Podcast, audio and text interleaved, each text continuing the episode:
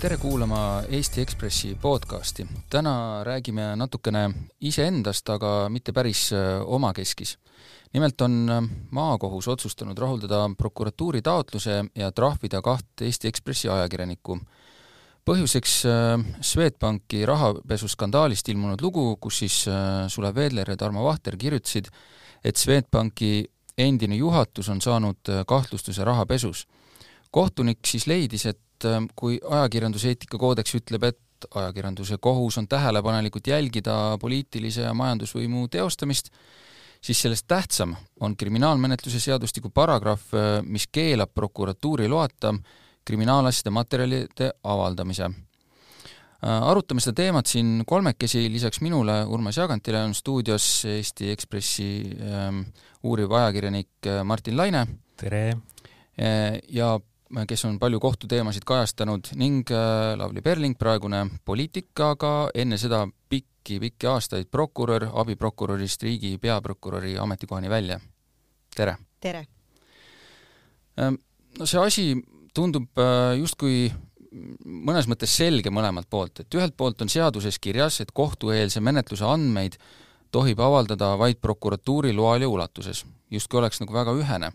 teiselt poolt ajakirjandus, kui ta on need andmed kuskilt saanud mingit kaudu, siis see materjal ju põhimõtteliselt kuulub äh, ajakirjanikule, mille ta ju võib nagu avaldada, et samuti justkui nagu oleks selge, et et ähm, Martin, kuidas, äh, kuidas sina kõigepealt seda olukorda näed nüüd just äh, ajakirjaniku vaatest, et mis pidi see on siis? jaa, et mina sain aru, et seal vaidluses oli näiteks äh, üks argument oli, et äh, prokuratuur miskipärast järeldas, et see info pidi tulema kahtlustatavatelt endalt. Ja, ja kuidas nad seda järeldasid, mille alusel, kuidas nad selle kindlaks tegid, äh, selle, sellest ma täpselt aru ei saanud. Ja, ja just ongi see, et kui näiteks leian liftist paki pabereid, kus on see asi kirjas ja avaldan, siis see on tõesti võib-olla eetiliselt ja ajakirjanduses äh, professionaalselt äh, küsitav, aga, aga ei saa olla kindel, et tegu on äh, äh, kriminaalmenetluse materjaliga. antud juhul oli ilmselt kõige suurem argument seesama Swedbanki äh, börsiteade, kus nad kuulutasid kogu avalikkusele, et äh, Swedbank Eesti endine juhtkond on kahtlustatav kuriteos. et äh, selleks ajaks oli tegelikult ka avalikkusele jõudnud need signaalid, mida antud juhtumis kajastati seetõttu kajastati seda börsiteadet, kajastati äh, kuuldusi, millest see kriminaalmenetlus räägib, aga tegelikult ei mindud ju selle kriminaalmenetluse materjalidega avalikkuse ette. et äh, mina näen siin enda silmis nagu erinevust, et mis, mis asi on üldse äh, kriminaalmenetluse materjalid, et et avaldada asju, mis on juhuslikult kirjas ka kriminaalmenetluse materjalides aga leida see info nagu iseseisvalt on minu meelest nagu okei okay. Ehm, Lavly Perling, endise prokurörina, kuidas teie seda, kas te näete siin äh, seda asja samamoodi või, või kuidagi teisiti? see küsimus, mis on kriminaalmenetluse materjal, on ikka ja jälle äh, õhus olnud. ja ma pean isegi nõustuma siin ajakirjandusega, et ennekõike just nimelt kriminaalmenetluse materjal on see, mis kogutakse kriminaalmenetluse käigus aga ega kriminaalmenetlus ei kulge sellises kuldkarbis või vaakumis omaette. et äh, tegelikult ju taandub sellele, et need kõik need tõendid, see informatsioon, lisaks sellele, et see on kriminaalasjas, on see igal pool mujal laiali. ja, ja, ja nüüd ongi küsimus, et kas selle info, kui just nimelt ajakirjanik selle saab, avaldamine on õige või vale ma olen alati pidanud väga oluliseks äh, seda, et äh, ühelt poolt äh, prokuratuur on äh, võimalikult avatud, aga selle avatuse juurde on käinud alati teatud reeglid. ehk, ehk omal ajal oli, oli meil lihtne põhimõte, mis alati toimis, oli see, et, et üldine strateegia on lihtne. esiteks prokuratuur peab oma inimestega rääkima, sellepärast et äh, oma riigi inimestega peab rääkima. teine põhimõte oli see, et sa tohid rääkida tõtt ja ainult tõtt. kolmas on see, et sa ei tohi äh, kunagi viia tõendeid kohtu ette, et sa ei tohi kahjustada ei süütuse presumptsiooni ega tulevast ausat kohtupidamist, lihtne strateegia. nüüd ega need kokkupõrked sellised ajakirjanduse ja õigussüsteemi vahel ei ole esimest korda. ja ja, ja kindlasti noh, ühelt poolt iga, iga, iga prokuratuuri juht paneb oma põhimõtted ise paika, et siin on mul raske kommenteerida, aga mis mu sõnum võib-olla on, ma usun, et see kehtib ka täna. üldiselt ajakirjanike trahvimine mingite materjalide avaldamise eest on äärmuslik abinõu sellepärast, et ükskõik, äh, siin kõlasid tiitlid, kas ma olen inimene, prokurör, äh, poliitik või kodanik, siis ma tahan elada riigis, kus on vaba ajakirjandus. ja no jaa, kindlasti me võime niimoodi mõelda, et äh, ajakirjaniku trahvimine on nagu äärmuslik meetod, aga kas me, kas me siin ei tee nagu sellist vahet, et ma ei tea, liiklusrikkujat me küll nagu saame trahvida, et kas, kas me seal ka ütleme, et see on nagu viimane meetod, et et äh, ega me, ega me siin ei lähe sellele teele, kus me ütleme kuidagi, et ajakirjanikud on selles mõttes kuidagi nagu erilised, et neile, neile nagu ei või nagu trahvi teha justkui. see oli väga hea võrdlus, et just nimelt äh, liikluses, kui me mõtleme, mis on aasta, viimastel aastatel, isegi aastakümnetel Eesti arengus toimunud, ühiskonnas toimunud, siis politsei ei kipu kohe trahvima ehk äh, kõige rohkem usutakse sellisesse eneseregulatsiooni ja ka ajakirjanduse puhul ma usun, et toimib kõige paremini eneseregulatsioon. kui nüüd tundub, et ma ütlen siin, et äh, oi, et ajakirja, et, et ma valin justkui poole, et ajakirjandus on nagu alati hea ja korrektne, oo ei. kahjuks olen ma kahekümne aasta jooksul äh, näinud ka neid juhtumeid, kus, mis seal salata, väga tahaks trahvida ajakirjandust ehk ka ikkagi ikkagi sellised näited, kus, kus sa nagu tõsimeeli räägidki ajakirjandusega teemal, et, et kas lapse surmast peab teada saama kella keskpäevastest uudistest või, või, või jõuab ikkagi politsei enne, et, et noh, seal ma ütlen, et andke andeks, ajakirjanikud, aga see ei ole ajakirjandusvabaduse koht. ja neid näiteid võib veel tuua, aga ikkagi kõik taandub üldprintsiibile, et mis see väärtusruum on tõtt otsivad ju mõlemad ühiskonnast taga. ja ma arvan, et äh, lahendus on see, et ei, ajakirjandust ei pea kuidagi eriliselt kohtlema, välja arvatud muidugi see, et ajakirjandus ja vaba ajakirjandus on ühiskonna väärtus omaette, seda tuleb austada. ja selleks, et mitte võib-olla nagu lihtsalt rääkida nagu ümmargust juttu, ütlen ma alati selle peale, et ega see ongi raske töö aeg-ajalt üksteist mõista, eriti nendes kohtades, kus, kus toimuvad kokkupõrked ja selle lahendus on ainult üks, iga päev sellega töötada, et ühelt poolt õigussüsteemi inimesed mõistaksid ajakirjanduse rolli ja et ka ajakirjandus mõistaks õigussüsteemi rolli. ja Martin, ma küsin, ma küsin sinu käest seda, et vaata, kui prokuratuur põhjendas seda taotlust, miks nad üldse läksid trahvi nõudma, oli see, et, et selle info avaldamisel nagu puudus avalik huvi seda avalikustada, et ähm, ma ei tea, võib-olla siis tõesti, et äh, üks, äh, kes seal täpselt siis see kahtlustatav on, et kas üks või teine, kas keegi on seal, äh, kes seal nimekirjas on, noh juhatuseks, et kas, kas see nagu oli siis, on siis oluline teada või, või ei ole? minu arust on üldse libe tee see, kui kohtus arutatakse, mis on avalik huvi ja mis mitte. minu arust on ka Riigikohtus käinud läbi lahendid, kus Riigikohus ütleb, et no need on muidugi tsiviilmenetluses, eks ole, aga, aga ka ise olen äh, viidud äh, tsiviilmenetlus kohtu ette, kus me arutame siis, kas on avalik huvi või mitte. ja minu arust kohtute arusaam avalikust huvist ongi väga kõikuv alati, et et äh, ma ei ole ise ka täpselt, ma ise justkui eriala professionaal, avaliku huviga iga päev tegelen, määratlen seda enda töös igapäevaselt, aga aga kohtupraktikat vaadates ma ei saagi aru, mis on avalik huvi kohtu silmis. antud juhtumis ma arvan, et see kriminaalmenetlus on äh, üks kõige tähtsamaid kriminaalmenetlusi üldse, mis praegu käimas on. Äh, neid, neid selliseid on veel paar tükki. sa pead silmas seda Swedbanki juhtumit just? jah mm. -hmm. teiseks ma ei saa aru, et miks just selles juhtumis trahvi teha, enne seda oli muidugi see, kuidas see juhtum ka tekkis, oli, et enne seda oli see Ain Seppiku juhtum, kus, kust natuke nagu materjali äh, lekkis kuhugi äh,, siis oli Danske äh,, mina ise olen Danske kriminaalasja, asja, asja detaile avaldanud, mina ei ole trahvi saanud, ma ei tea, miks ma ei ole uh,. et uh,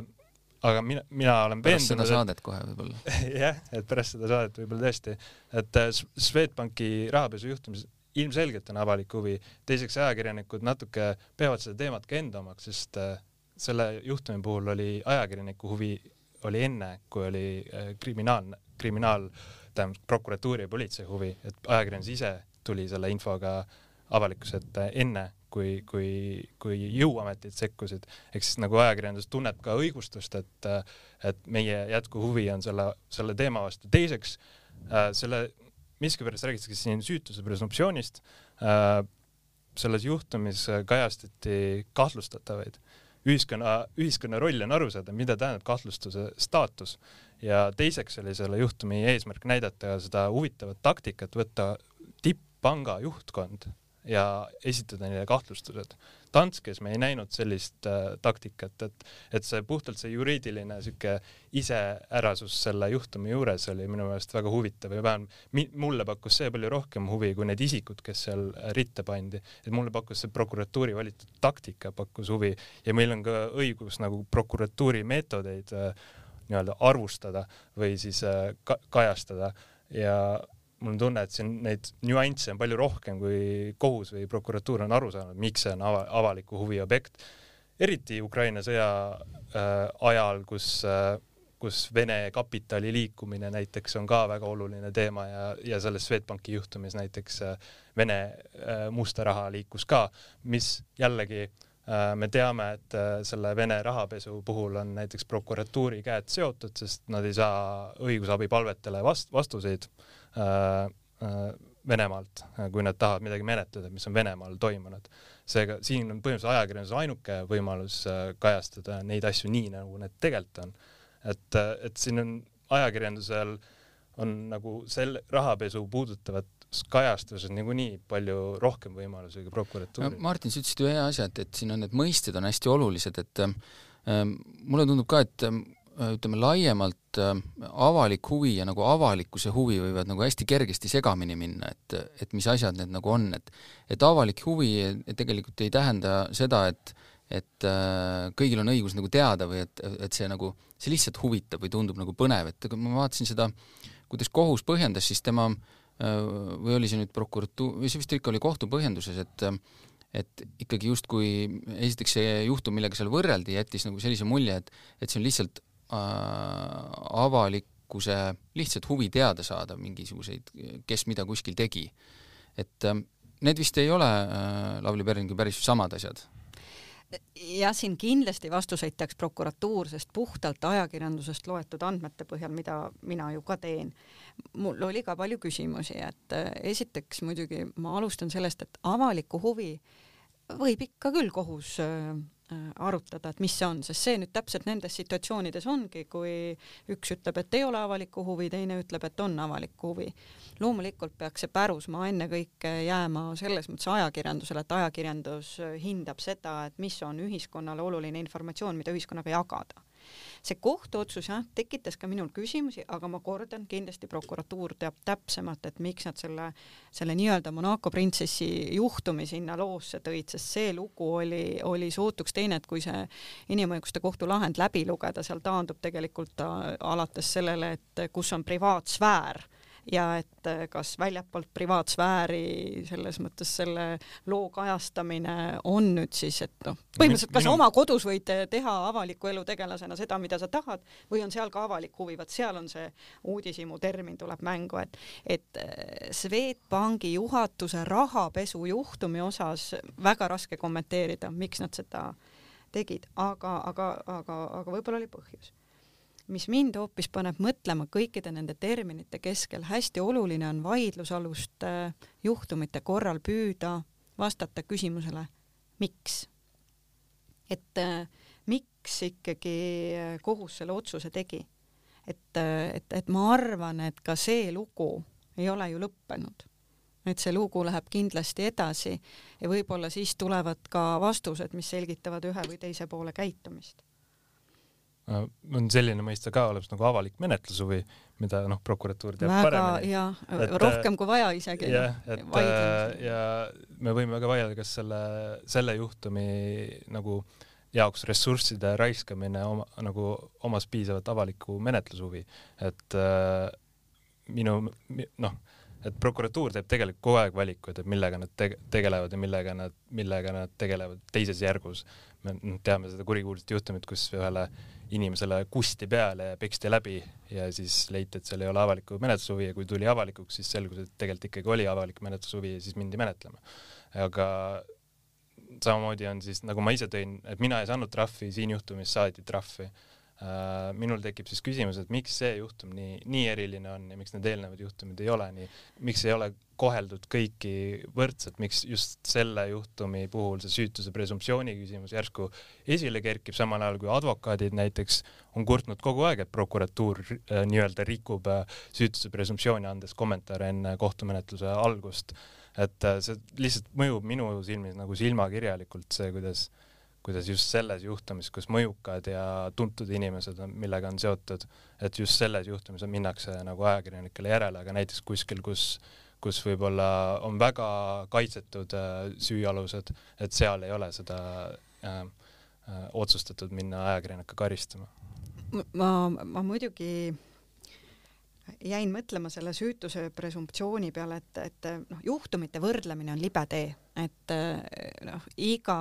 saatan peitub detailides, nagu me teame, ja et ega me ei saa võrrelda, et miks seda on trahvitud või miks teist ei ole trahvitud, et iga, iga juhtumi tulebki nagu eraldi vaadata. aga üks põhimõte, mis, mis ju alati on olnud, on,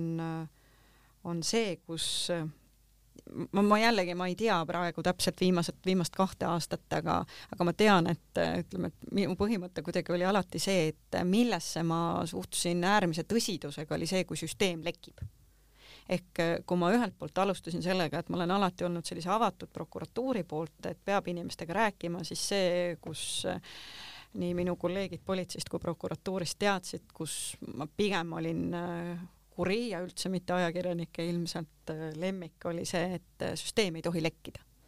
ehk äh, sul ei ole võimalik menetleda, ehk kui sul, kui sul on midagi öelda, siis tuleb seda öelda otse avalikult, aga niisugune nurga tagant ajakirjanikele info viimine oli süsteemi vaates taunitav. miks? sellepärast, et sa rikud asja ära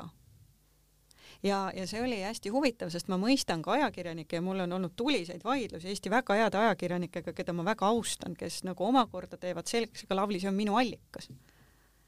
Ja, ei, meil, meie huvid ongi siin erinevad. ja,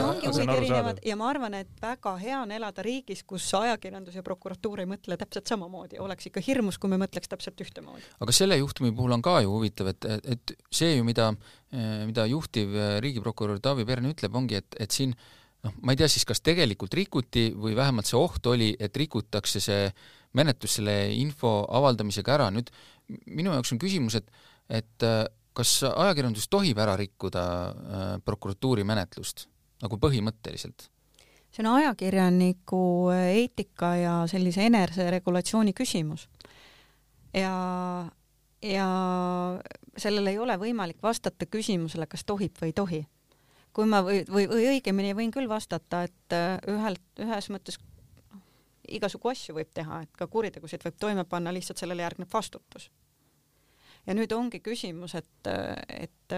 et noh, kuidas, et ma, ma, ma ütlengi, et on olnud lugusid, kus ajakirjanik ei tea, et ta rikub loo ära, sellepärast et ta ise ongi jõudnud, et ega, ega ajakirjanik ei tea, mida riik parasjagu jälitab ja ei peagi teadma ja kui siis nagu juhtubki nii, et kumbki uurib äh, oma lugu ja, ja see lugu ilmub lehes, siis see, mis juhtub, on see, et kui lehes ilmub lugu,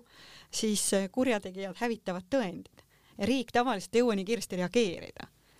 Selles mõttes, et äh, minu meelest on Eesti ajakirjanike selline vastutustunne üha kasvanud ja, ja minu meelest nendes situatsioonides, kus targad ajakirjanikud näevad seda ohtu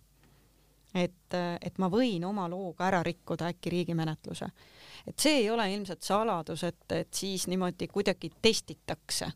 et, et kui ma selle loo nüüd teen, et see on alati hästi keeruline ja selline mööda õhukest jääd liikumine, sellepärast et ega prokuratuur ei tohi öelda ajakirjandusele, on, ei ole meil siin jälitusega informatsiooni. aga et ma arvan, et see ongi selline süsteemide usaldusväärsuse küsimus, et seni, kuni ajakirjanikud tunnevad, et see ei ole tsensuur kui sa nagu palud ajakirjanikku, et äh, ma ei saa sulle mitte midagi öelda, aga palun ära avalda seda lugu homme, anna meile kaks nädalat aega.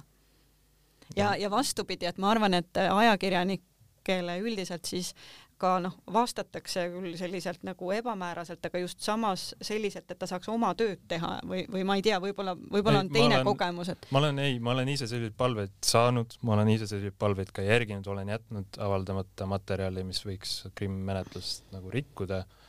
ja see ongi minu meelest, kui ma jätaks nagu, kui ma ikkagi avaldaks ma ei tunne, et oleks õiglane mind selle eest trahvida, et oleks õiglane võib-olla taunida avalikult, öelda, et see ei olnud õige tegu, mina leian, et see ei olnud moraalselt õige ja see ei olnud eetiline käitumine ajakirjaniku poolt. ja noh, prokuratuuril on positsiooni selliseid asju avalikult välja öelda ja noomida,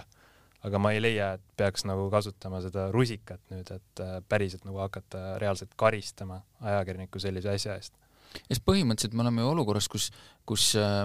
ütleme, kui, kui ongi jah, mingi selline teema, kus on, keegi on noh, tõenäoline, ma ei tea, kurjategija, äh, siis ju noh, huvi saab ju mõlemal olla selles mõttes sama, et, et see inimene saaks nagu äh, noh, karistada oma tegude eest või et ta esimese hooga vähemalt lõpetaks selle, mida ta teeb, ja siis saaks nagu juba tehtu eest nagu karistada, et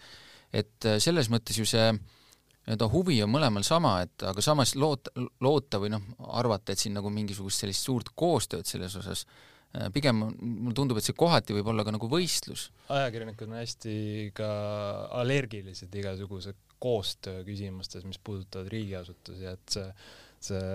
me vi-, noh, see kõlab väga halvasti, kui sa teed mingi jõu, jõuametiga koostööd. no, kui, kui, ma olen täiesti nõus, aga samas noh, kui on nagu parem sõna, ma olen äh, valmis sõnade üle diskuteerima, aga, aga, aga aga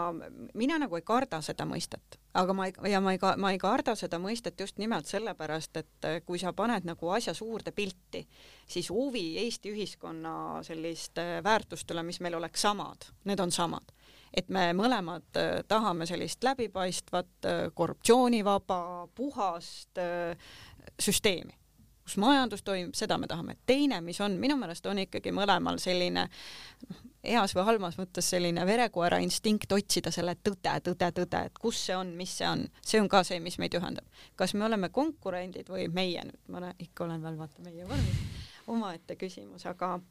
aga, aga, aga ma kordan, et minu kogemus näitab, et seda on võimalik teha. sa, ma arvan, iga prokurör, iga nagu prokurör, kui ta nagu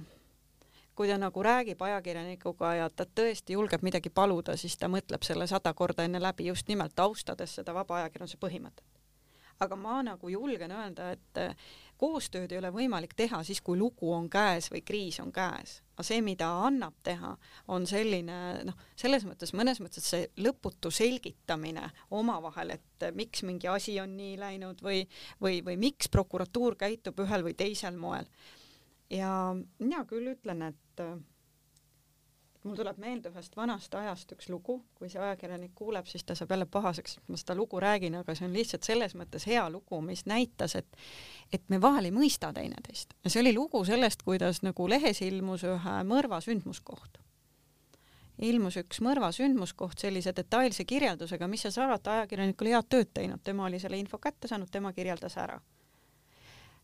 ta ei kahjustanud kuidagi seda menetlust, sellepärast et äh, ka mõrvar leiti surnuna ehk mida, kedagi ei olnud vaja kohtu ette saata.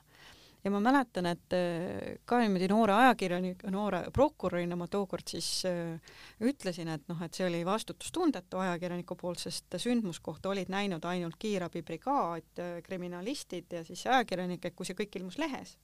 et pärast oleks väga raske olnud teatud menetlustoiminguid teha, sest seni oli ainult mõrvar see, kes teadis mingeid detaile, aga pärast, kui kõik on lehest lugenud, teadsid kõik. ja ma nii mäletan, kuidas tookord see ajakirjanik ütles, et aga miks te kunagi seda öelnud ei ole? et ma ei mõelnud selle peale, et ma ei oleks seda teinud kui ma oleks nagu mõelnud. nii et noh, see on väga vana lugu, tõesti väga vana lugu, et ka selliseid lugusid on ja ma arvan, et kui minu koostöö ei ole, minu koostöö mõte ei puuduta seda, et hakkame, ma ei tea, lugudes koostööd tegema, ei, kummalegi peab oma roll ja oma tee jääma. sellega ma olen nõus, see ei vii kuhugi, kui, kui me hakkame juhtumites koostööd tegema, aga sellist no just nimelt mõnes mõttes sihuke, sihukest harivat tööd, et miks üks käitub ühel või teisel No, moel, seda peab tegema. see on alati nagu olemas olnud, selles mõttes ma ei ütlegi, et noh, kui ma ütlesin, et see koostöö, me oleme al- allergilised selles suhtes, et ega see ei tähenda, et me, me, me nagu ei mõista, et kui noh, päriselt ka, et kui pätt jääb vabadusse meie pärast, et mida, mida see nagu ühiskonnale kaasa toob, et ilmselgelt me mõtleme sellele väga hoolsalt. Ja, ja selles mõttes, et muidugi nagu inimlikkust eeldada ajakirjanikult ongi nagu elementaarne, aga lihtsalt mina seisan sellele vastu, et, et ajakirjanikku, kui ta ei kuuletu, siis me karistame teda, vot see, vot see on selline asi, millega mina ei nõustu. aga, aga vaatamegi siin nüüd äh, lõpetuseks ka, et, et see juhtum tervikuna, et see on saanud väga sellise no tugeva vastukaja ikkagi mm, erinevate noh, nii poliitikute, endiste poliitikute poolt, siis äh, noh, ajakirjanduse poolt, enda poolt mõistagi mitmes äh, juhtkirjade näol ja nii edasi, et et ähm, on sellel, mis mõju sellel nagu tervikuna on, ma tean jah, et see, me ei ole veel selle asjaga nagu lõpuni jõudnud, et meil on veel äh, tõenäoliselt siin järgmine kohtuaste ja võib-olla sealt ka edasi, eks, aga, aga nii üleüldiselt, et äh, on see siis nagu nii, nii oluline ja, ja nagu pöördeline otsus? Ma loodan, et mitte, ma loodan, et, et see ei ole nüüd pretsedent, et nüüd nii hakkabki olema, et hakkame ajakirjanikke trahvima, et seda ma ei usu, et selles mõttes äh, jah, aga teistpidi noh, mõnes mõttes on ju huvitav kokkusattumus, et, et see lugu on avalikkuse ees just nimelt vahetult pärast ajakirjandusvabaduse indeksi väljatulekut. Ja kui te vaatasite, siis äh, siis Eesti on teinud seal äh, meeletu tõusu, samas äh, Soome on kukkunud meist koha võrra tahapoole ja kui te räägite oma Soome kolleegidega, et siis nii mõnigi ütleb, et üks nendest põhjustest võib olla just nimelt äh, ajakirjanike vastu menetluste avaldamine. ja seal oli ju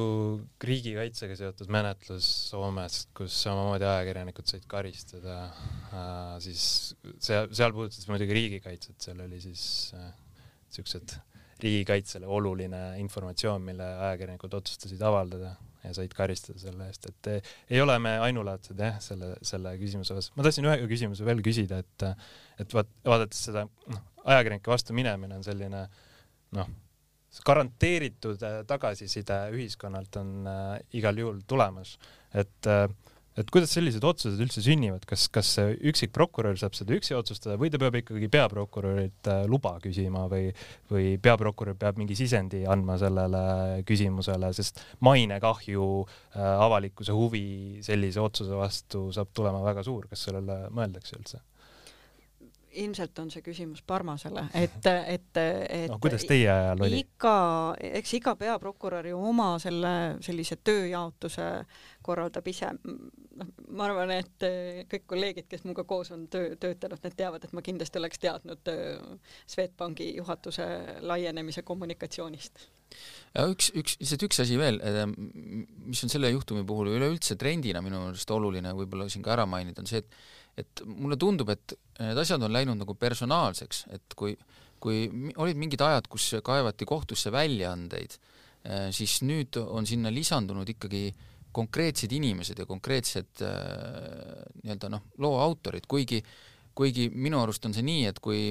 ma nüüd ei lugenud oma seda töölepingut üle, aga kui mina kirjutan loo, siis see tegelikult kuulub sellele väljaandele, see materjal, mis ma olen äh, siis kirjutanud. et,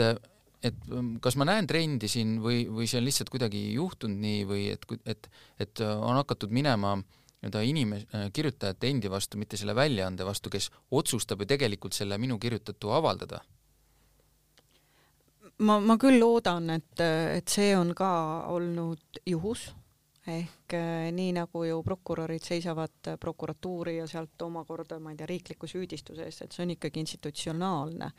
Et eh, sama põhimõte peaks kehtima ju ajakirjanike no, puhul. täpselt, et kui selles juhtumis näiteks Ekspress saavutab ja ajakirjanikud saavutavad võidu, kas me lähme siis neid äh, seda prokuröri ja kohtunikku isiklikult äh, siis hagema või karistama selle eest, et nad ei, ei saanud oma tööga hakkama, et minu arust on see väga absurdne, et ajakirjanikke isiklikult karistatakse nagu eraisikuna, et nagu sa ütlesid, lepingus on kirjas, me loovutame põhimõtteliselt oma õigused oma tekstidele, kui me ajakirjandusväljaandes töötame, aga samal ajal vastutus on ikka nagu täielik. Ja samal ajal need, kes on need varjustöötajad, toimetajad, ülemused, need, kes tegelikult ütlevad, et kas avaldada või mitte, need, need ei saa ka karistada, eks, eks see karistuse mm,